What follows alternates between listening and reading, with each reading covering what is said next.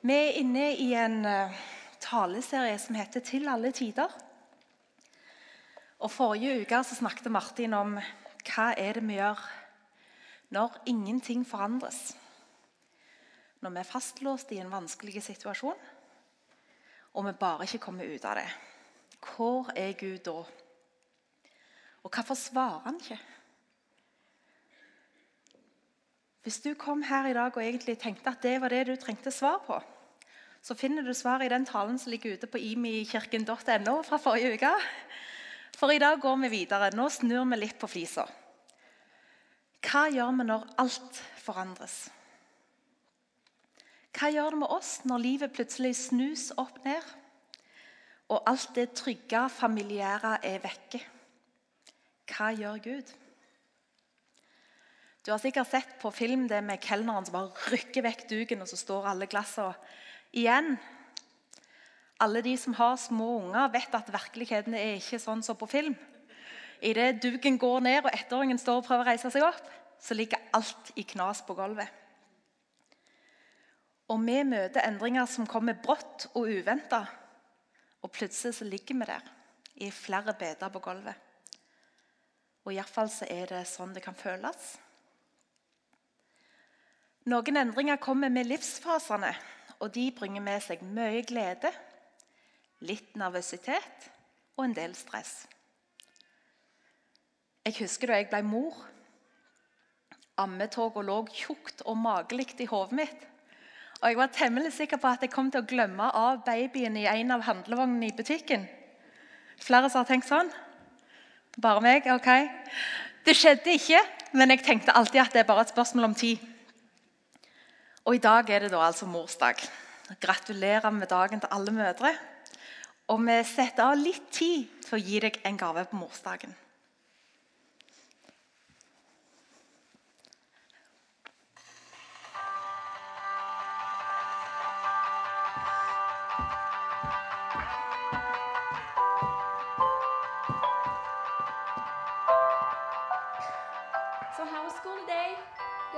Good. I thought the chemistry lab. No, you did not. It's a long story. Okay. How was choir? It was good.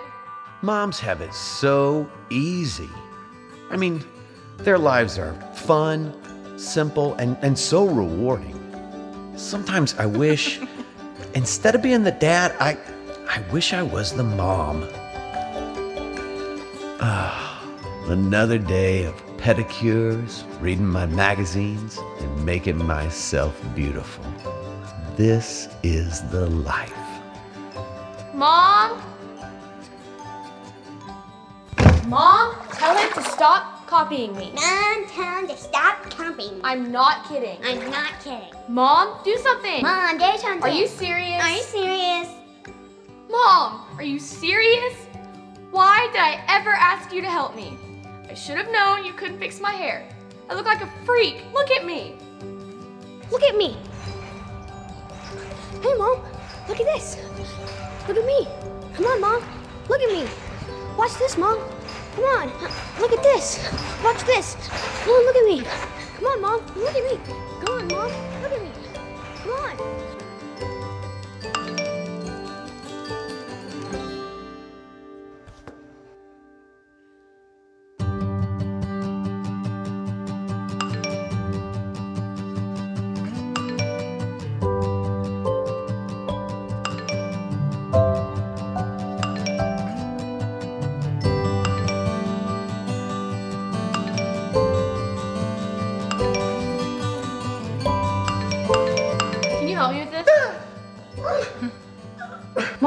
Book report due tomorrow, and I haven't read any of this.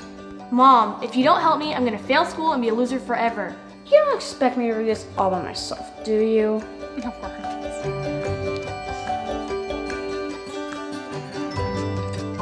You don't expect me to eat this, do you? Seriously, Mom, what is this? Mom, I'm not gonna eat this. Dad, can we just go out to eat? Please? Hey kids, be nice to your mother. If I eat this, I'm gonna throw up. Mom, I said I'm gonna throw up.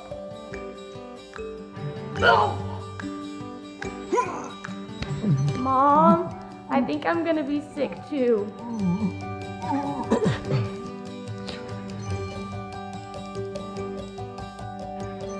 You're amazing.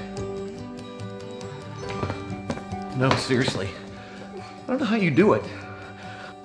I, I'm at a loss for words. Kids, come here. Get in here. Hug your mother. Tell her you love her. We're in the presence of greatness. Dad. Not now. Dad's on a roll. This is God's greatest creation, kids. You're smushing my face.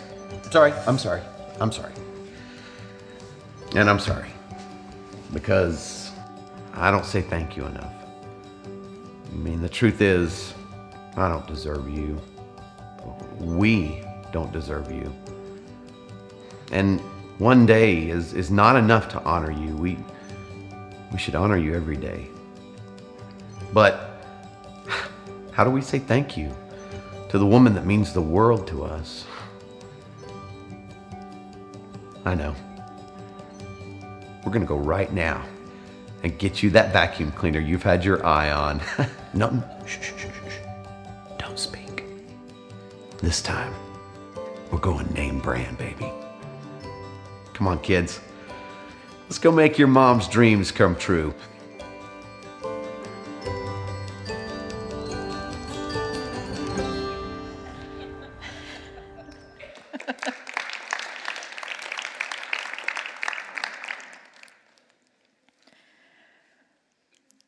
Morsom film, og han viser noen utfordringer som kommer med i livet.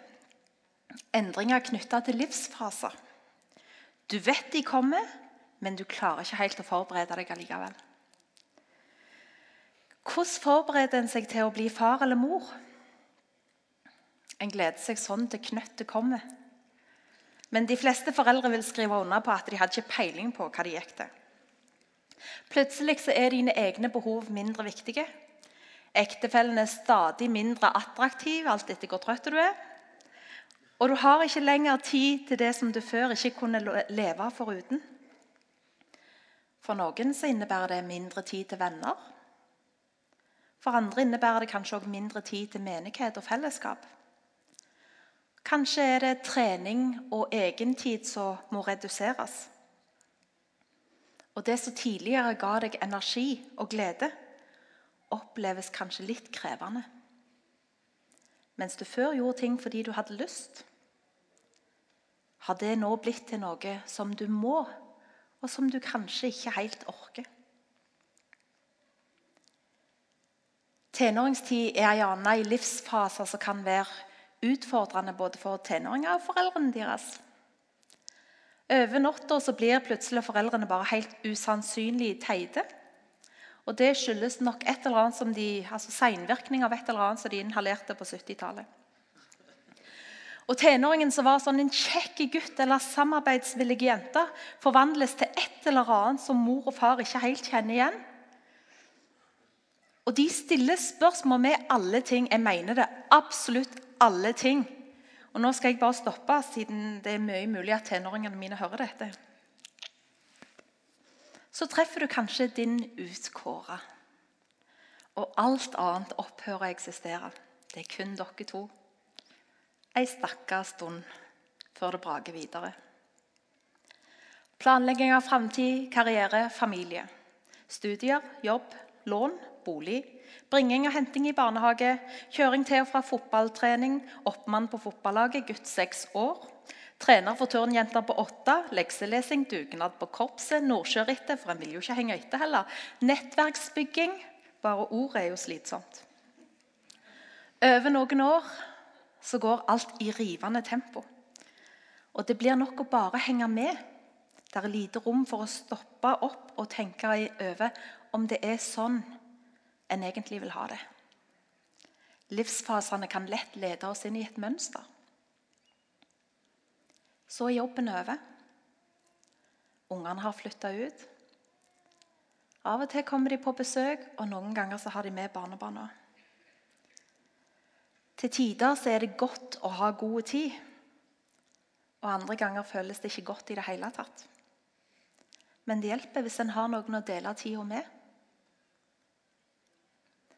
Og sånn går nå dagene. til det plutselig ikke gjør det lenger. Til det skjer noe som gjør at grunnen bare rykkes vekk under beina våre, nesten som duken. En mister noe som en kanskje har tatt for gitt, og som en plutselig innser verdien av. Med ett så er livet forandra. Noe har skjedd, og du opplever en endring som snur livet ditt på hodet. Det kan være pga. noe som du har gjort, eller som har blitt gjort mot deg. Som har forandra hvem du er, hvordan du tenker.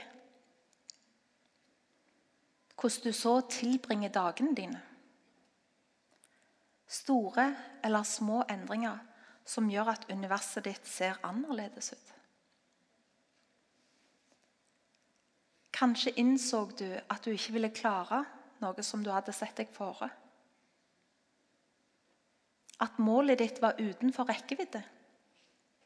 Du mista en drøm. Jobben bare forsvant.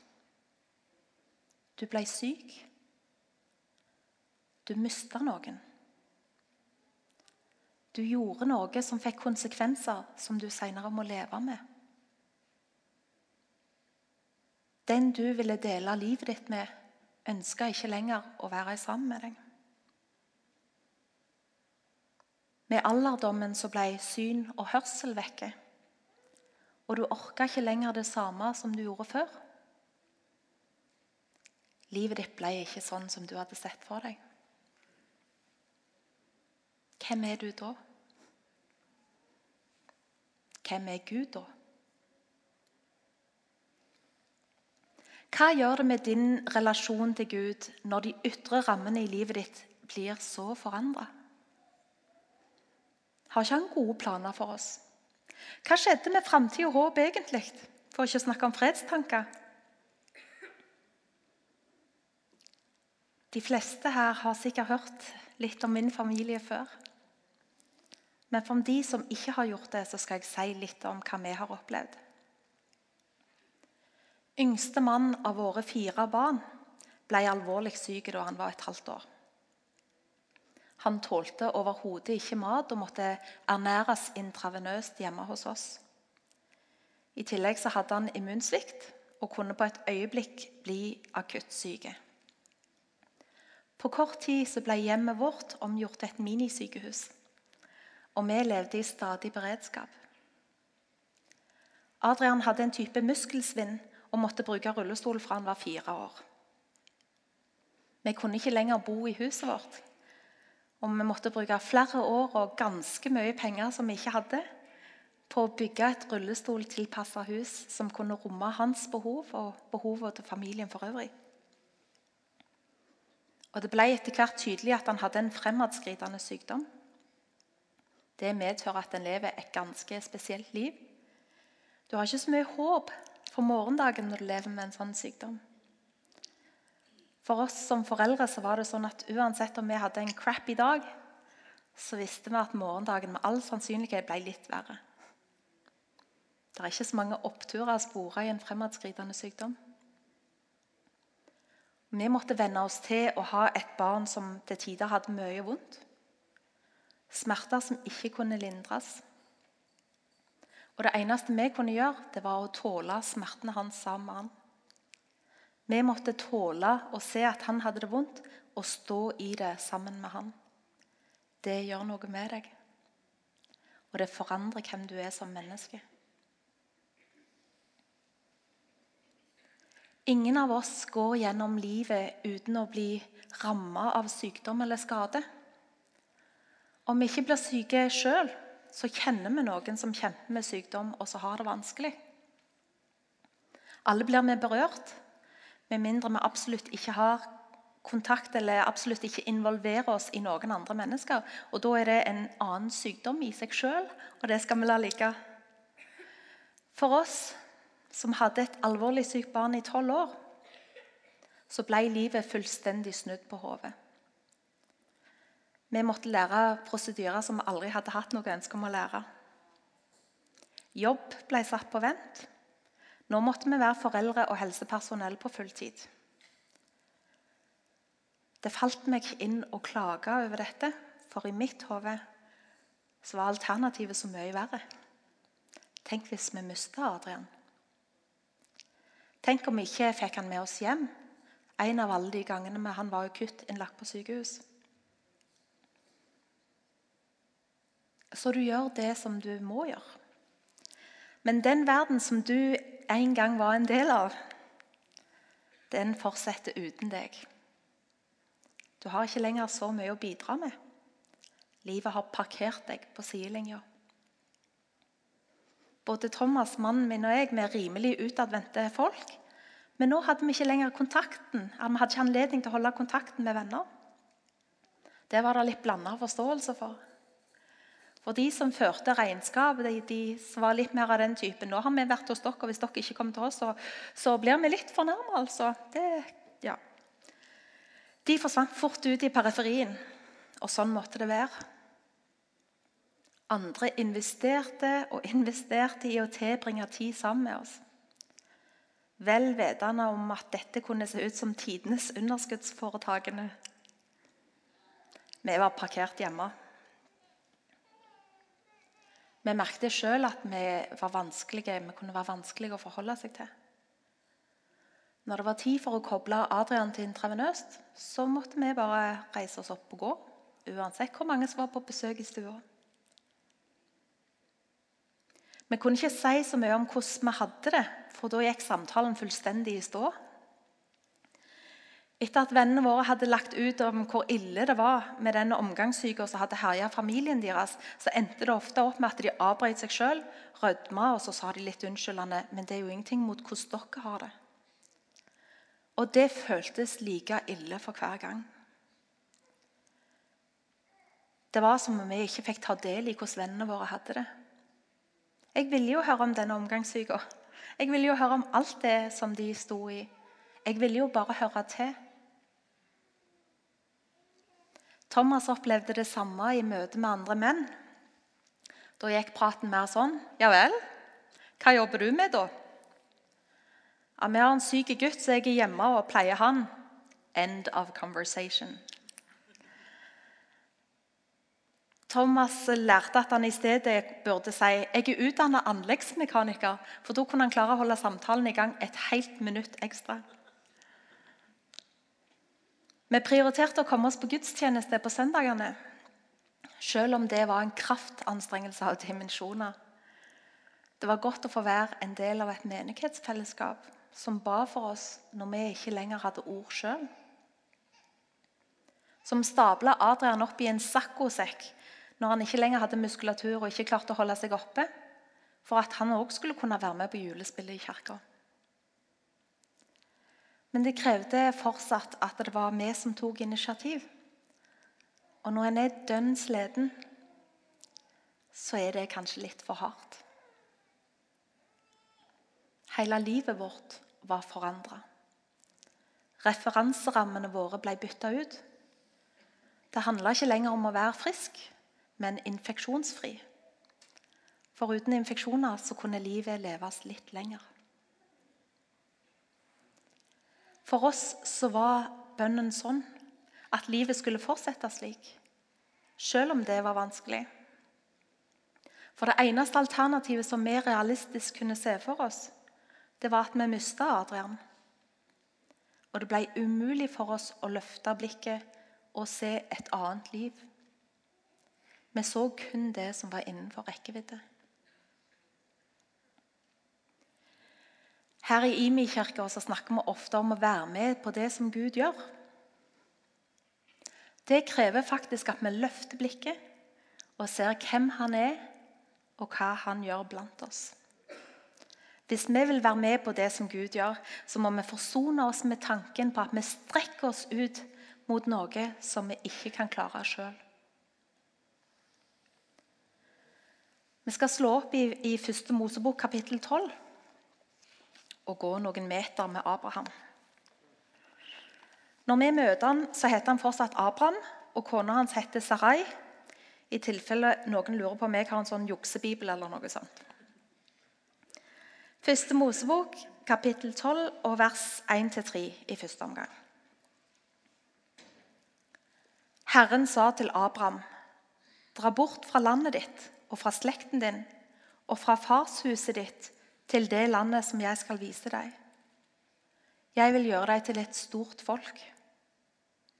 Jeg vil velsigne deg og gjøre navnet ditt stort. Du skal bli til velsignelse. Jeg vil velsigne dem som velsigner deg, men dem som forbanner deg, skal jeg forbanne. I deg skal alle slekter på jorden velsignes. Det er ganske feite løfter. Jeg vil gjøre deg til et stort folk. I deg skal alle slekter på jorda velsignes. Det er ikke noen ungdom som får disse løftene. Abraham har allerede rukket å bli 75 år. Sarai var 66, og de har ingen, de har ingen barn. Det er vanskelig for Abraham å se for seg hvordan det skal gå til. Så hva gjør han? Han anerkjenner at Gud kaller han til noe nytt. Noe som er større enn han sjøl. Noe som kun Gud kan gjøre. Han bryter opp, og sammen med kona, nevøen og tjenestefolka så tar de med seg alle eiendelene sine og drar bort slik Gud har bedt han om. Men underveis så stopper han og markerer løftet som Gud har gitt ham. Han bygger et alter, et alter for Herren som har vist seg for ham. Så drar han videre før han finner et sted å slå seg ned. Hva gjør Abraham da? Han er helt bestemt på at han vil ikke gå noe sted uten at Gud er med ham. Han har fortsatt ikke sett noe til innfrielsen av Guds løfte til ham, men han er like fullt overgitt til Gud. Han bygger et nytt alter, et alter for Gud, og påkaller hans navn. Etter en tid så blir det hungersnød i landet, og Abraham flytter til Egypt. Det roter han det til for seg. Siden han var gift med halvsøsteren sin Ikke et eksempel til etterfølgelse, men ikke så helt uvanlig i de tider der. Så unnlater han å si til farao at de er gift, for han tenker Sarai er ei veldig flott dame. Det kan godt være at farao vil ha henne. Da dreper han meg og tar henne. Men hvis jeg sier at vi er søsken, da tar han henne like fullt, men jeg får leve. Vi går for det. Og det er jo akkurat det som skjer. Og som et resultat av det så fører Gud store plager over farao. Han lukter lunta og konfronterer Abraham, som deretter drar sammen med Sarai tilbake der de kom fra. Abraham har gjort noe galt som fikk konsekvenser både for han og andre. Hva gjør han da? Han drar tilbake der han satte opp det første alteret. Der Gud hadde vist seg for ham. Og der minner han seg sjøl på Guds løfter til ham.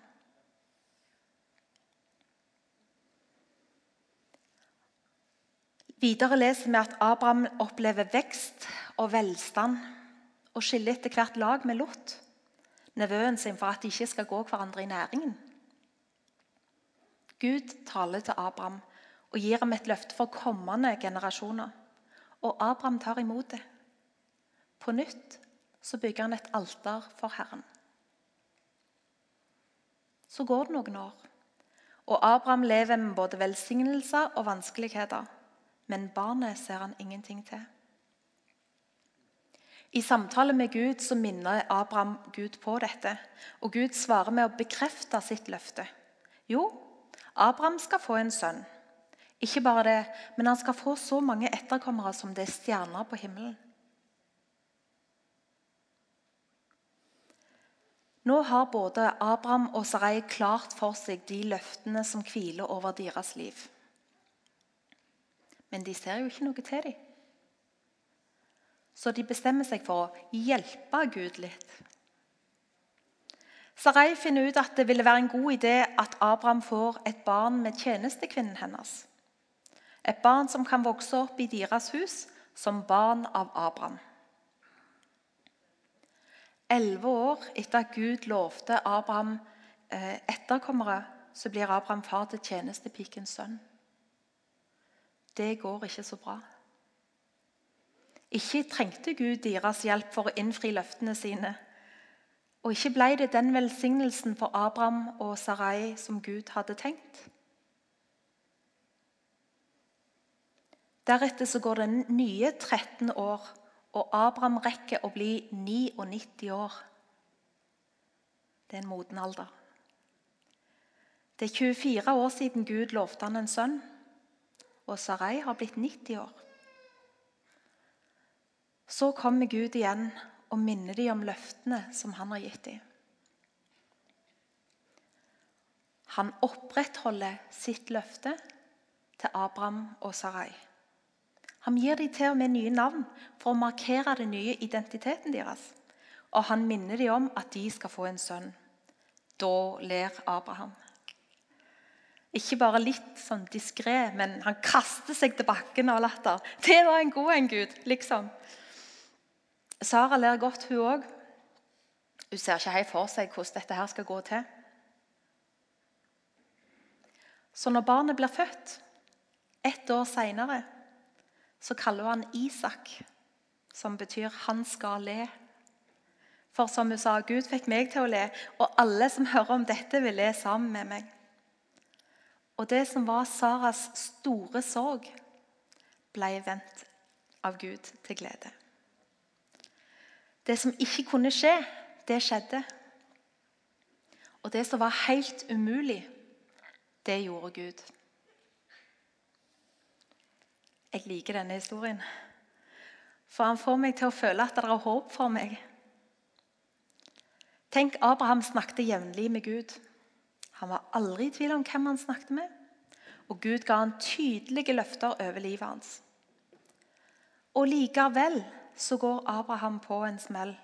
Gang på gang. Og ikke lærte han alltid av feilene sine heller. Det der stuntet med å utgi kona si for å være halvsøster, det gjorde han til meg en gang til. Men gang på gang så vendte han tilbake til utgangspunktet, til alteret. Der han minner seg på hva Gud hadde gjort i livet hans. Der han ofra i takknemlighet. Der han tilba. Han vendte tilbake til Gud. Hver og en av oss bærer med oss feil og nederlag.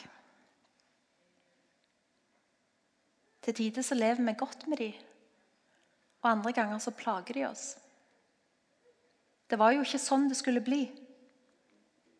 Hvordan kunne jeg rote det til sånn? Eller hvis bare det og det hadde skjedd, så 25 års venting. Tror du Abraham hadde delt med de andre hva Gud hadde lovt ham? Kanskje fleipa de om denne her sønnen som aldri dukket opp. Sara levde med skammen over ikke å ha født barn, noe som var viktig på den tida. Og de må ha veksla mellom håp og sorg, sinne og skuffelse. Gud hadde gitt et løfte, og Abraham gikk et kvart århundre uten å se det innfridd. Etter hvert så var han så gammel at det var vanskelig å se at han noen gang skulle få se Guds løfte oppfylt i hans liv. Men han vender tilbake til alteret. Gud må ha elska dette i Abraham. Han lar ham få en, en spesiell posisjon, og han snakker stadig med ham. Gud lar Abraham få stå for sitt ansikt og gå i forbønn for en by for et samfunn. Gud sjøl taler til en konge i drømme og sier at han kan jo la profeten Abraham få be for seg, sånn at kongen skal få leve. Og Abraham blir kjent blant folkene som en Guds høvding blant oss. Han får senere plass blant trosheltene i Hebreerne 11, når Paulus skriver i tro var Abraham lydig da han ble kalt, Så han dro ut til et land som han skulle få i arv. Han dro av sted uten å vite hvor han kom. Abraham stolte på Gud. Han dro av sted uten å vite hvor han skulle. Men han visste alltid hvor han skulle vende tilbake. Til alteret. Til Guds løfter. Til bedelsen. Til overgivelsen. Det samme alteret har sett litt annerledes ut i vårt liv, men det er like fullt til stede. For 14 år siden så tok Thomas og jeg en avgjørelse om at eh, vi ville være på utkikk etter hva vi hadde vært å være takknemlige for. Og vi ville konkret markere det hver jul. Da ville vi ha et juleornament som symboliserte det vi var mest takknemlige for gjennom året som hadde gått, og henge det opp på treet. Og Det har vi gjort hvert år siden 2001. Og Hver jul så henter vi fram alle juleornamentene fra tidligere år. Så henger vi de på treet. Og så går vi gjennom hva Gud har gjort i livet vårt gjennom alle disse åra. Og det har forandra oss som familie. Det har gjort at vi ikke bare er takknemlige når det er jul, men vi bærer det med oss gjennom hele året. Vi har fokus på hva vi har å være takknemlige for, og vi skynder oss til å feire det som er godt. Vi har erfart at takknemlighet gir godt jordsmonn. Det er som om det gir rom for annet godt. Ikke fordi vi fortjener det, men fordi Gud er god. Selv når vi har det vondt, så kan vi likevel være takknemlige for Guds gode nærvær i vårt liv. Og hva er alternativet? Alternativet er at vi lar det vokse fram en bitterhet over det som er vanskelig. Det er ikke vanskelig å rettferdiggjøre bitterhet når en opplever noe vondt. Og du vil oppleve at folk står nærmest i kø for å støtte deg i din rett til å være bitter. Men ei bitter rot vil kvele liv. Den vil ta livet av kjærligheten og gleden og forhindre den veksten som du kunne hatt. Bitterhet er som å drikke et beger med gift og tro at det er de andre som tar skade av det. Du har lov å ta sorgen din og sinnet ditt med deg til alteret. Gud tåler det. Han tåler deg. Et år så hadde vi opplevd så utrolig mye vondt at det ble vanskelig å få øye på noe som helst godt. Da ble takknemlighet en viljesak. Vi bestemte oss for å være takknemlige for at Gud hadde lovt å gjøre oss hele igjen. Og så gjorde han det.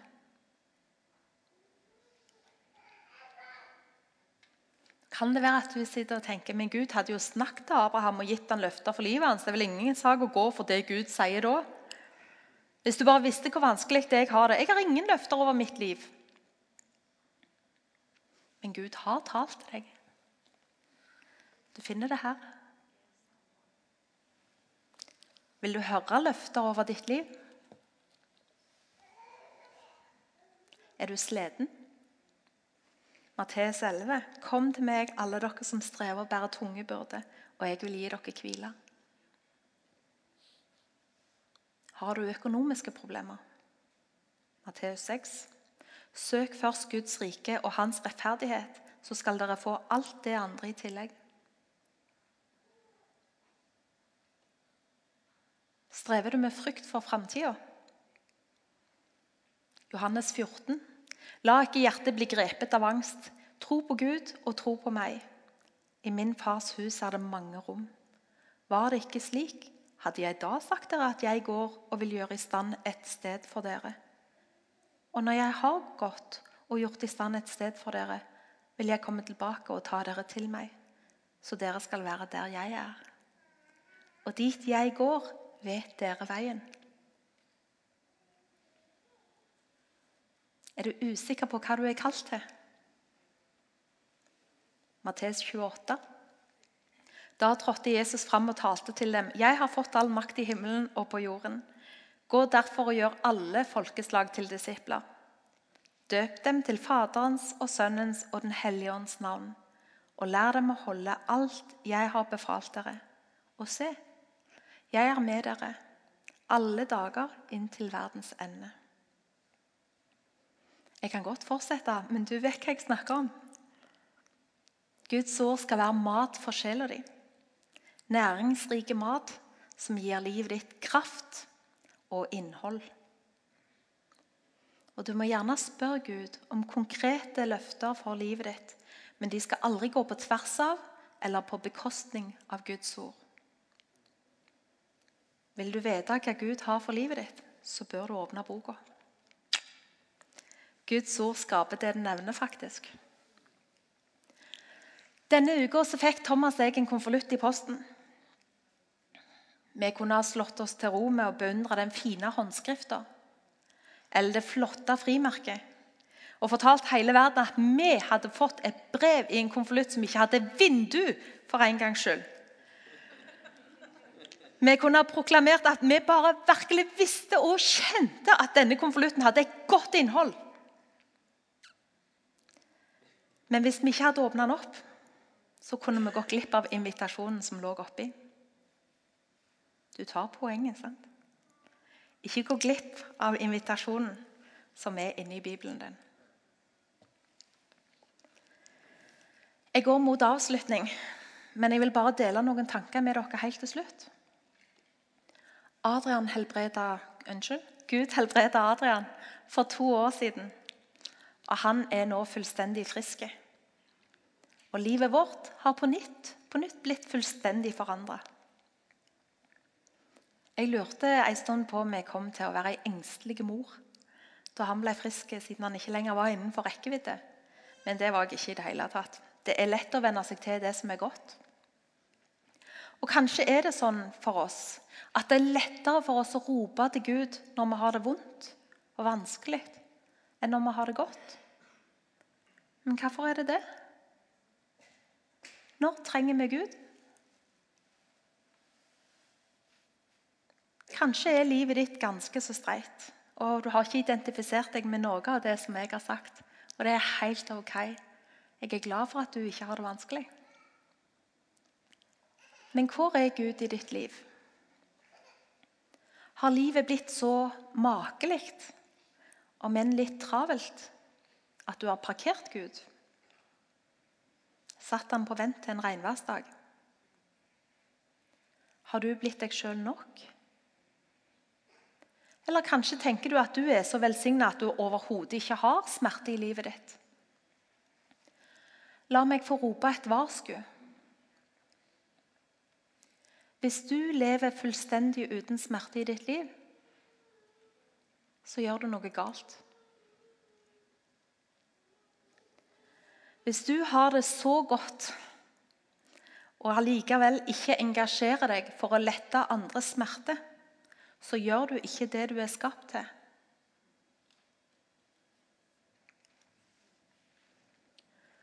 Abraham stilte seg inn for Gud og sto i forbønn for et syndig folk som omga han. Han tok del i deres smerte og stilte seg inn for Gud på deres vegne. Og Gud lytta til Abraham. Hva gjør du? Hva står det om deg i Hebreerne 11? Gå tilbake til alteret. Takk Gud for det gode du har i livet ditt. Tilbe. Still deg innenfor Guds ansikt og bli lik han. Gå på dypet. Det er mer for deg der. skal be lovsangstimen komme opp. I dag er det tid til å, bli, eh, til å få forbønn, til å komme fram med det du har. Men tenk gjennom. Hva er det Gud sier til deg nå? Hvor er du med Gud? Hvor er alteret ditt?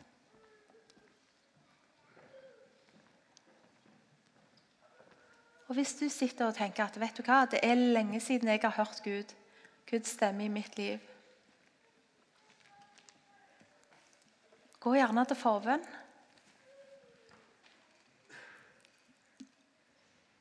Be om at de skal åpne ørene dine.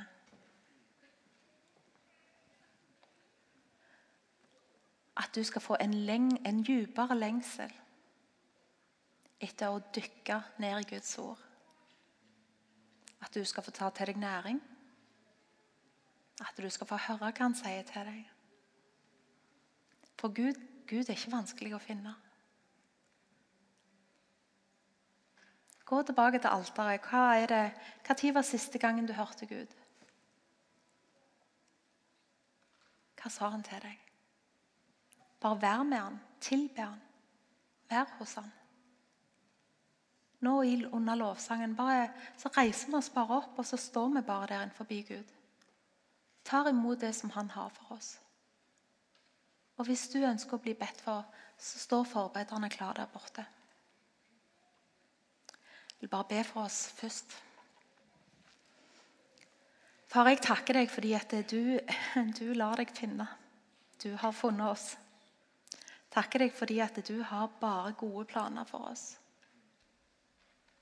Og far, vi lengter etter mer av deg i våre liv.